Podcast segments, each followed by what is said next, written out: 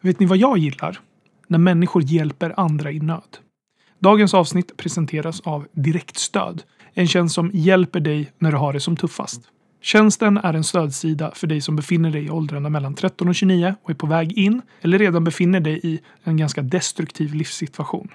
Direktstöds uppdrag är att ge just dig det stödet som krävs för att du ska kunna få kontroll på ditt liv igen. För ytterligare information rekommenderar jag er att besöka deras Instagram, att direktstod eller deras hemsida www.direktstod.se. Idag kommer vi prata om mäns våld mot kvinnor, vad Moderaternas förslag på åtgärder betyder rent juridiskt och framförallt hur och varför det har kommit att bli en så het politisk fråga.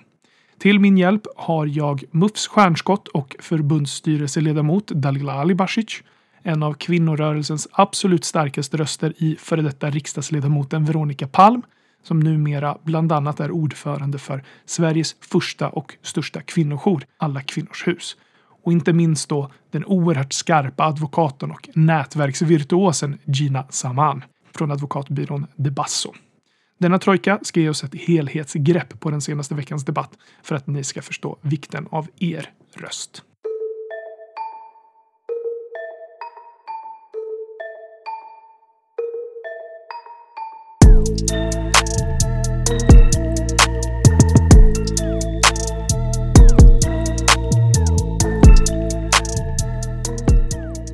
De senaste veckorna har flera kvinnor dödats av män och frågan har därefter hamnat i blixtbelysning. Problemet är inte nytt och det är oklart om det har skett en ökning av den här typen av brott eller om det rör sig om en koncentration av likartade händelser. Men i och med de senaste dåden har frågan fått stor uppmärksamhet och krafttag har krävts från olika håll. Speciellt med flera av den senaste tidens fall är att de skedde på öppen gata och inte inom hemmets väggar, så som mäns våld mot kvinnor ofta gör. I torsdags kraftsamlades det och på fredagen träffades samtliga partiledare för riksdagens partier, berörda myndigheter och organisationer, däribland kvinnojourer, för att diskutera vad som behöver göras. Alla partier hade med sig en lista på förslag, men mötet var långt ifrån en förhandling och efteråt presenterade därför regeringen vad den gör i frågan. Bland annat handlar det om straffskärpning. Elektronisk övervakning, det vill säga fotboja, blir en första åtgärd vid utvidgat kontaktförbud. Och det blir också skärpta straff vid överträdelse av just kontaktförbudet. Regeringen vill även göra det möjligt att förbjuda mannen att vara i den gemensamma bostaden. Inrikesminister Mikael Damberg menar att också den åtgärd som presenterades nyligen och som innebär att uppgifter ur tidiga förhör kan användas kommer att ha stor nytta i dessa sammanhang. Bland annat för att minska risken för att mannen ska gå fri om kvinnan drar sig ur rättsprocessen. Partierna har olika ingångar i vad man anser måste föras i frågan. Men man är enligt TT överens om att straffen för våldet mot kvinnor behöver skärpas. Minimistraffet för grov kvinnofridskränkning ska alltså höjas till ett år. Och som jag nämnde i introinslaget så har jag alltså med mig Dalila Alibasic, Veronica Palm och Gina Saman som ska kika lite närmare på detta. Veronica, kan du berätta för oss vad den gångna veckans debatt har handlat om? Oj, det var en jättesvår startfråga. Alltså, det har ju handlat om våld i nära relationer. Eh, det faktum att fem kvinnor under loppet av tre veckor har dödats i Sverige. I snitt per år så är det, förra året var det 13, året innan tror jag det var 16, året innan det har jag för mig att det var över 20. Alltså det är någonstans där kring eh, 15-20 kvinnor per år som dödas av någon som de antingen lever tillsammans med, har levt tillsammans med, som är pappa till deras barn. Alltså någon som de har en relation till. Och nästan alltid så sker morden inne i deras egna hem.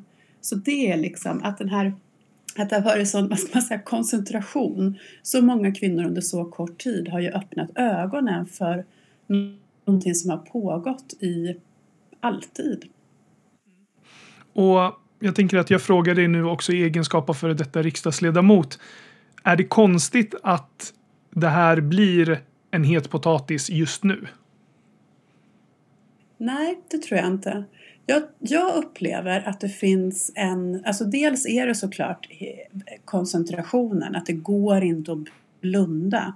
Och det är eh, men 95 procent ungefär av allt sexualiserat våld utförs av män. Alltså det finns liksom, det där har legat latent. Eh, men sen så går det inte att blunda längre och jag tror att det som hände under metoo-hösten eh, skapade ju en sån tsunami av eh, kvinnor som vågade berätta om hur det är att leva som kvinna idag. Att det är liksom, det är inte, alla hade inte varit med om våldtäkter eller sådär utan bara det här att man alla kvinnor vet att man ska ha nycklarna i handen när man går hem, att man måste se till att man har batteri i telefonen ifall man behöver ringa, att man väljer vilken väg man... Alltså de där små skyddsmekanismerna.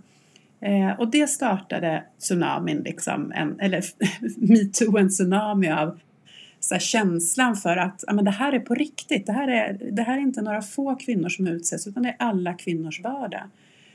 Eh, och sen har det där hängt kvar och sen kom ju eh, ja men den här eh, Göran Lamberts eh, för några veckor sedan som hade eh, sexuellt utnyttjat en kvinna eh, och blivit eh, friad för det. Eh, men, och har en presskonferens där han berättar vad det är han har gjort. Att han har kladdat lite eh, och sen så blev hon full och somnade. Och då tänkte han att nu säger hon inte nej i alla fall. Eh, och sen kom Soran Ismail eh, dokumentären på SVT där eh, brottsoffren helt liksom stängdes utanför och sen kom. Så att det har liksom varit en säga, upptrappning av bevis för att samhället inte tar kvinnors rädsla på allvar. Och det tror jag har liksom gjort att det finns, det är sån ilska ilska i kvinnorörelsen att bara nu jävlar får man svära i din podd. Ja, nu då. attans måste man faktiskt göra något åt det här. Vi kan inte, vi kan inte fortsätta och bara säga att vi ska ha en, en utredning utan nu måste vi göra något. På tal om kvinnorörelsen, du är en ganska stark röst i den och är också ordförande på Alla Kvinnors Hus. Mm. Kan du berätta lite vad den organisationen gör? Alla Kvinnors Hus är en kvinnojour. Det är faktiskt Sveriges första kvinnojour som startades 1978.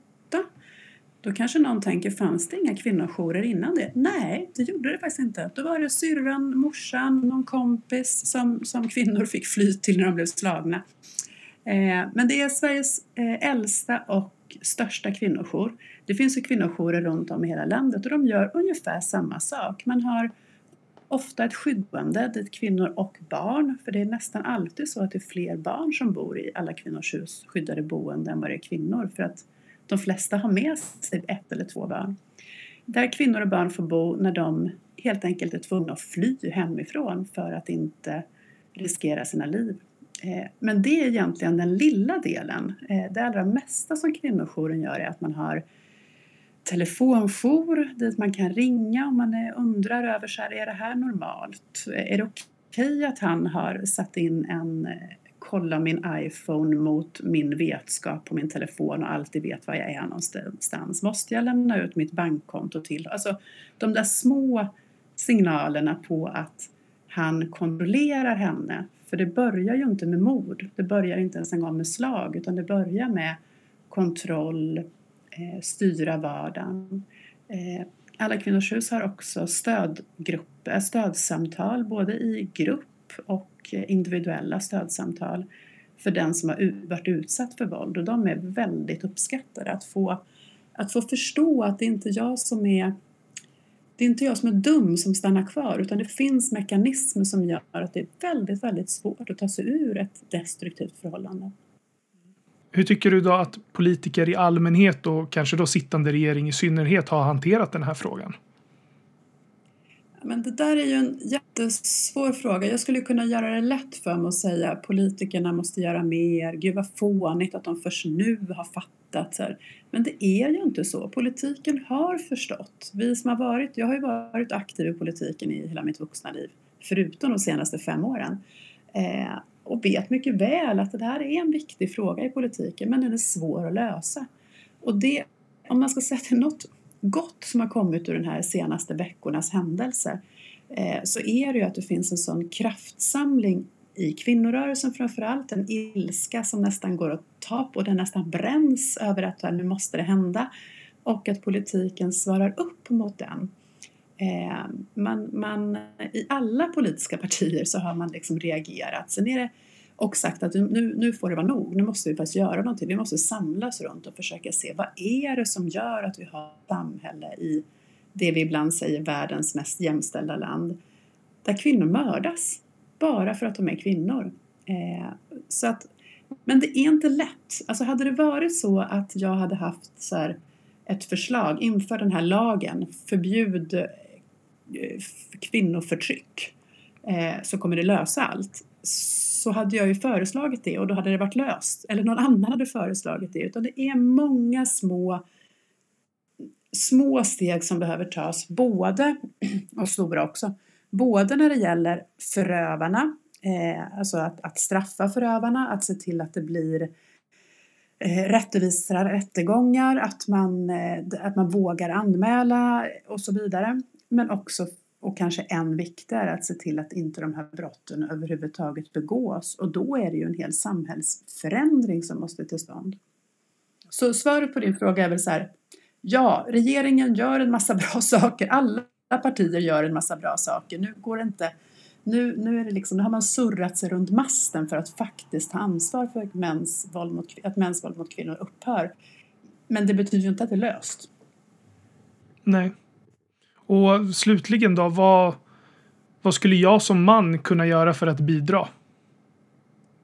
I, det, i, det, i din liksom, som säga, privata eller personliga så handlar det om att säga ifrån. Eh, att liksom, eh, och att bete sig schysst såklart själv, men också säga ifrån när man ser strukturer både i sina eh, liksom, bekantskapskrets eller så här, reagera på Eh, reklam eller hur liksom att kvinnor har lägre löner än män. Alla de där sakerna är ju sammantaget en del av ett eh, ojämställt samhälle där våld och mord är liksom det yttersta beviset på det.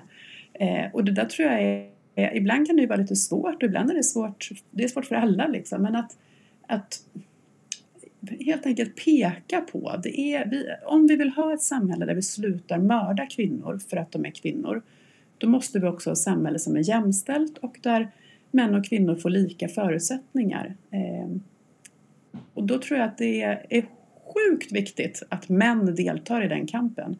Jag möter ju ganska ofta människor som, som ja men så här, nättroll och så, som säger att ja men Veronica, du, du tycker ju inte om män, du tycker inte, det blir ingen jämställdhet om du bara liksom promotar kvinnor. Eh, och det håller jag egentligen med om, för vi behöver ha män med. Det är därför som, alltså jämställdhet är ju att män och kvinnor får vara människor. Eh, och så är det inte idag, varken i liksom skolan, i tunnelbanan, på jobbet, när det gäller lön, när det gäller makt och att eh, kvinnor mördas i sina hem bara för att de är kvinnor är ju det yttersta beviset på det. Veronica, stort tack för att du var med i Mer än en röst. Vart kan man hitta dig ifall man vill följa dig? Ja, men jag är superenkel att hitta. Allra, allra enklast på Instagram där jag heter Palm Veronica eftersom jag någon gång slarvade bort Veronica Palm-lösenordet. Palm Veronica. Palm Veronica på Instagram, underbart. Tack än en gång och vi hörs. Tack, tack, hej. Dalila, vad innebär det att Moderaterna har fått majoritet i justitieutskottet i just det här sammanhanget? Det innebär att flera partier, bland annat Centerpartiet, Sverigedemokraterna och Liberalerna har valt att sluta upp bakom Moderaternas förslag eh, kring elektronisk fotboja. Mm. Och kan du förklara lite mer ingående vad det här förslaget egentligen innebär? Ja, men idag om man begår ett brott mot en kvinna och eh, får ett kontaktförbud till exempel Eh, så, så får man bara endast ett kontaktförbud. Och skulle det vara så att man, man häver det här kontaktförbudet och man kanske kommer nära en kvinna eller liknande eh, så, så får man först ändå elektronisk fotboja. Och vi vill ju förebygga det här för att brott kan ju redan ske, en kvinna kan ju redan eh, missa sitt liv. Eh, så vi vill ju liksom från första start sätta en elektronisk fotboja så att det här inte ska, ja men så att mäns våld mot kvinnor inte ska fortsätta ske. Så det, det är vårt förslag från Moderaternas håll. Varför driver ni den här frågan så hårt just nu? Moderaterna driver den här frågan hårt, alltid. Alltså det här är ju någonting som vi har pratat om i flera år. Johan Forsell, vår rättspolitiska talesperson, har pratat om det här i flera, flera år. Och anledningen till att det här just kom på tapeten var ju att Centerpartiets eh, talesperson och Annie Lööf eh, gick ut i veckan och sa att nu måste vi göra någonting åt det här. Eh, och eh, det, vi har ju haft det här förslaget på bordet flera, flera gånger i justitieutskottet men då har ju Centerpartiet röstat nej till det. Så att vi har ju försökt. Det är ju snarare andra partier som inte har valt att sluta upp bakom det. Vad tror du att det beror på? Jag vet inte riktigt vad det kan bero på. Det kan vara att det kanske inte är någonting man har, de säger att de inte har ett stämmoförslag, alltså att de inte har tagit det hemma med partiet helt enkelt för att förklara det enkelt. Eh, men jag tror att det handlar om att det, det är en fråga som kanske inte varit prioriterad i och med att det varit pandemi eh, och andra viktiga frågor på tapeten. Eh, men, men det här för oss är alltid en viktig fråga oavsett vad. Och ehm, det är skamligt att man bara pratar om det nu för att det liksom har blivit en uppståndelse i sociala medier. Jag känner mig stolt över att Moderaterna alltid står bakom kvinnorna i sådana här frågor. Finns det ytterligare åtgärder som ni vill vidta eller börjar det liksom och stannar vid fotbojan? Mm, ja men alltså absolut eh, så, så har vi ju fler förslag och mer politik på det här området. Eh, och vi vill ju bland annat avskaffa den nuvarande mängdrabatten. Eh, vi vill också strama upp regler för villkorlig frigivning och vi vill såklart ha, ha hårdare straff för bland annat sexualbrott och våld mot kvinnor. Så att det här är ju någonting vi pratar om varje dag. Eh, Johan Forssell har ju liksom varit i, i tv och pratat om det här mer än vad jag ja, liksom går på toa. Så att eh, det är en fråga vi, vi ständigt pratar om, vilket är väldigt tryggt och skönt. Tror du att det här är början på fler förslag på hårdare och längre straff framöver från Moderaternas håll? Absolut. Ja, det, här, det här har vi som sagt gjort i flera år eh, i och med att det är en, en utbredd gängkriminalitet och kriminalitet i Sverige idag så att det här är någonting som vi tycker är viktigt och som både Ulf pratar om men också eh, Johan Forsell då, vår, vår talesperson. Eh, så att det här, det här kommer vi fortsätta med tills det luckras upp och tills man kan känna sig trygg i Sverige igen. Menar du att man inte kan känna sig trygg i Sverige idag? Vad är ert ultimata syfte med det här? Men om kvinnor nu blir, blir mördade på så här kort tid som det har varit de senaste veckor, veckorna så tror jag inte att man kan känna sig trygg som bland annat kvinna i Sverige idag. Eh, dels när man går ut utanför dörren, jag vet inte, det kanske inte just du har upp, upplevt Stefan, men eh, när jag går utanför dörren och det är mörkt ute och det kanske inte finns lampor eller liknande så känner jag mig inte trygg i Sverige. Och bland annat på särskilda platser runt om i Sverige så, så vet jag att många inte känner sig trygga för att det, det sker brott på öppen gata, det sker avrättningar på öppen gata och det kan man inte blunda för. Så att eh, det, här, det här måste såklart eh, vi arbeta mer med, alla partier runt om i, i Sverige. Finns det andra förändringar utöver de rättsliga som du skulle vilja se och vilka skulle det i sådana fall vara? Mm. Alltså det här handlar ju också dels om, om normer och hur, hur vi uppfostrar män. Alltså om jag skulle bli mamma till, till en son idag så har jag ett ansvar, ett föräldraansvar att kunna säga till min son vad som är rätt eller fel, att man inte slår kvinnor för att man inte, de inte vill ha sex med en. Så det är, ett, det är ett strikt föräldraansvar som Moderaterna också bedriver, att där måste föräldrarna ta sitt ansvar för att kunna eh, se till att vi förändrar normer. Men sen så vill jag passa på att tacka alla liksom ideella organisationer som vi har, eh, inte minst liksom kvinnojourer runt om i landet, men också så här, ja men det finns miljoner, eh, tänkte jag säga, men massa kvinnorättsorganisationer som ständigt arbetar med de här frågorna och utan dem som väcker debatten så eh, hade vi inte stått här idag. Så att jag är extremt tacksam för, för de personerna och det, de, de är absolut viktigast. Dalila, stort tack för att du gästade Mer än en röst. Vart eh, kan man hitta dig ifall man vill följa dig? Man kan hitta mig på Instagram, Dalila Alibasic, eller på Twitter, Dalila Alibasic. Stort tack, Stefan! Ser fram emot att se din framfart här framöver. Lycka till och eh, vi hörs väl förhoppningsvis snart igen. Det gör vi. Ha det fint! Gina, det här förslaget Moderaterna har fått majoritet på i justitieutskottet, vad betyder det egentligen i praktiken? Eh, det man ska komma ihåg är att det här förslaget som Moderaterna har kommit med till viss del redan finns. Eh, det är ett så kallat utvidgat kontaktförbud som eh, redan finns i dagsläget. Ehm, däremot så föreslår Moderaterna att eh, man på enklare sätt ska kunna förena ett, utvidgat kontaktförbud med fotboja. Alltså att man inte ska eh, behöva ha överträtt kontaktförbudet en gång för att det ska bli fråga om fotboja. Utan att det ska kunna aktualiseras eh, på en gång egentligen. Så att det är i korthet vad förslaget innebär. Hur ser det ut med straffskalor vid sådana brott? Alltså, så som lagen ser ut så är det böter eh, upp till fängelse ett år. Generellt sett skulle jag säga att det brukar landa på böter. Sen om det blir fråga om fler överträdelser eh, alltså upprepade fall och så vidare, då blir det ju en eh, skärpt, ett skärpt straff och alltså ja, en, en strängare påföljd så att säga. Men generellt sett så brukar det landa på böter. Hur svårt är det då med just den typen av ärenden?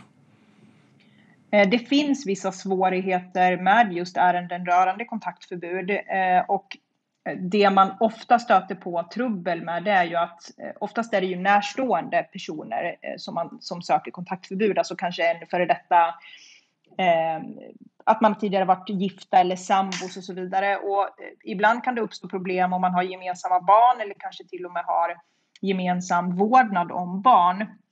Eh, för att ett kontaktförbud innebär ju att man inte får ha någon kontakt Eh, med varandra. Vilket gör att man inte heller kan ha kontakt rörande barn och så vidare. Så att det kan eh, göra att det uppstår problem. Eh, men man ska också komma ihåg att det ställs höga krav för att man ska kunna få igenom ett kontaktförbud och det är viktigt att det fortsätter vara på det sättet. Tanken är inte att det ska vara liksom enkelt att få kontaktförbud utan det är en inskränkning mot den personliga friheten. Eh, och det ska alltså ställas krav för att man ska också komma ihåg att när man meddelas ett kontaktförbud så blir det ett avsnitt i, ett, eh, i belastningsregistret. Mm. Så att det ska inte vara så att man bara ska liksom kunna få det för att man ansöker om det, utan det ska ställas höga krav och man ska utreda det här på ett ganska så noggrant sätt innan man meddelar ett eventuellt kontaktförbud. Eh, och det man också ska komma ihåg är att ett kontaktförbud ställer ju krav på båda personer, alltså den som eh, vill ha kontaktförbudet och den som får kontaktförbudet. För att ingen av de här får ju ta kontakt med varandra. Alltså, det innebär att om den som har ansökt om kontaktförbudet kontaktar den här personen som har meddelats ett kontaktförbud, då blir det problem. Eh, och, och, det är viktigt att komma ihåg att ibland kan det faktiskt vara som så att den personen som har ansökt om kontaktförbudet av olika anledningar tar kontakt med personen som har fått kontaktförbudet och då förfaller ju hela eh, kontaktförbudet och inte allt för sällan så, eh, så upphävs det också. Så att det ställer krav helt enkelt på båda parterna. Vilken effekt tror du att nämnda förslag då eventuellt kan ha på rådande situation? Ska jag vara helt ärlig så tror jag inte att det kommer få något större genomslag. Det är viktigt att komma ihåg, vilket eh, kan vara svårt att kanske förstå när man bara läser tidningar eller liksom hör det här lagförslaget. Då, då tror man direkt att men det här finns inte. Det här är ju någonting helt nytt. Men det man ska komma ihåg är att alltså, principen med att kunna kombinera ett kontaktförbud med fotboja, det finns redan det har funnits och det finns fortfarande. Så att det är inte ett nytt förslag utan det man vill göra är ju att eh, förenkla, alltså ge en enklare möjlighet att kunna förena ett kontaktförbud med fotboja. Däremot så tror jag i praktiken inte att det överhuvud kommer få, överhuvudtaget kommer få någon liksom nämnvärd effekt för att det ställs höga krav på att få igenom ett kontaktförbud och det kommer ju inte bli liksom enklare på något sätt eh, för att man tar bort kravet på att det måste ha skett en överträdelse för att det ska kunna bli fråga om fotboja. Så att eh, jag, jag, tror tyvärr inte att det kommer få den effekten som man kanske vill tro eller hoppas på. Vad tror du att det sänder för signaler då om man exempelvis har ett år som lägsta straff för grov kvinnofridskränkning? Ja, alltså vi ser ju det här väldigt ofta av våra politiker, eh, att det kommer lagförslag med höjda straff, eh, man ska liksom skärpa till och dra åt snaran så mycket man kan. Och det här är ju inte ett undantag. Eh, förslaget går ut på att man ska höja minimistraffet från nio månader till ett år. I praktiken så är jag helt övertygad om att det i princip inte skulle bli någon som helst skillnad. Eh, man höjde minimistraffet för vapen, grovt vapenbrott vilket gjorde att det blev obligatorisk häktning, alltså eh, minimum två års fängelse, vilket gjorde att det blev fråga om obligatorisk häktning. Eh, vi har fortfarande hur mycket vapenbrott som helst eh, som begås i Sverige.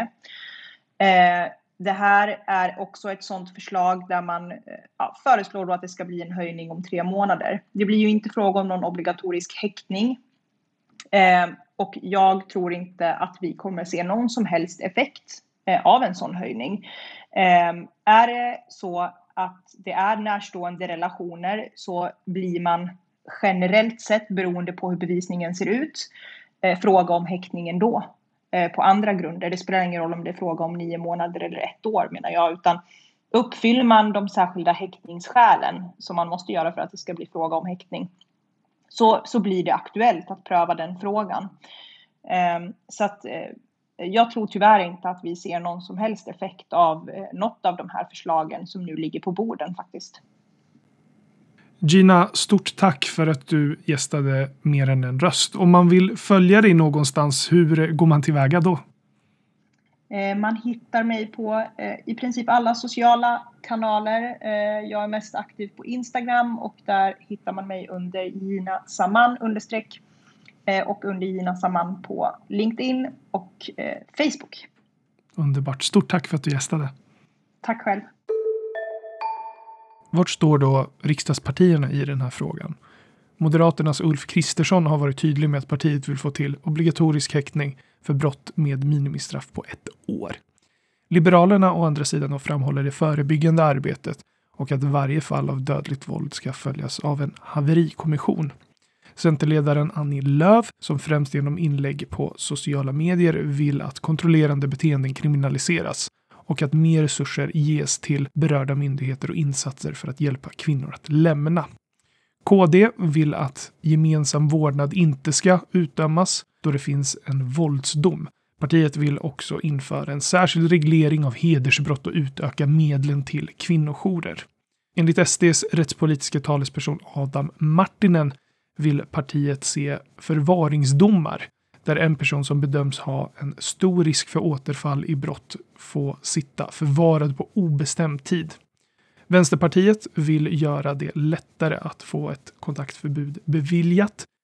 Socialdemokraternas Morgan Johansson som är justitieminister och Märta Stenevi från Miljöpartiet som jämställdhetsminister har sagt att de ska lägga ett skarpt förslag om höjt straff för kvinnofridskränkning innan sommaren.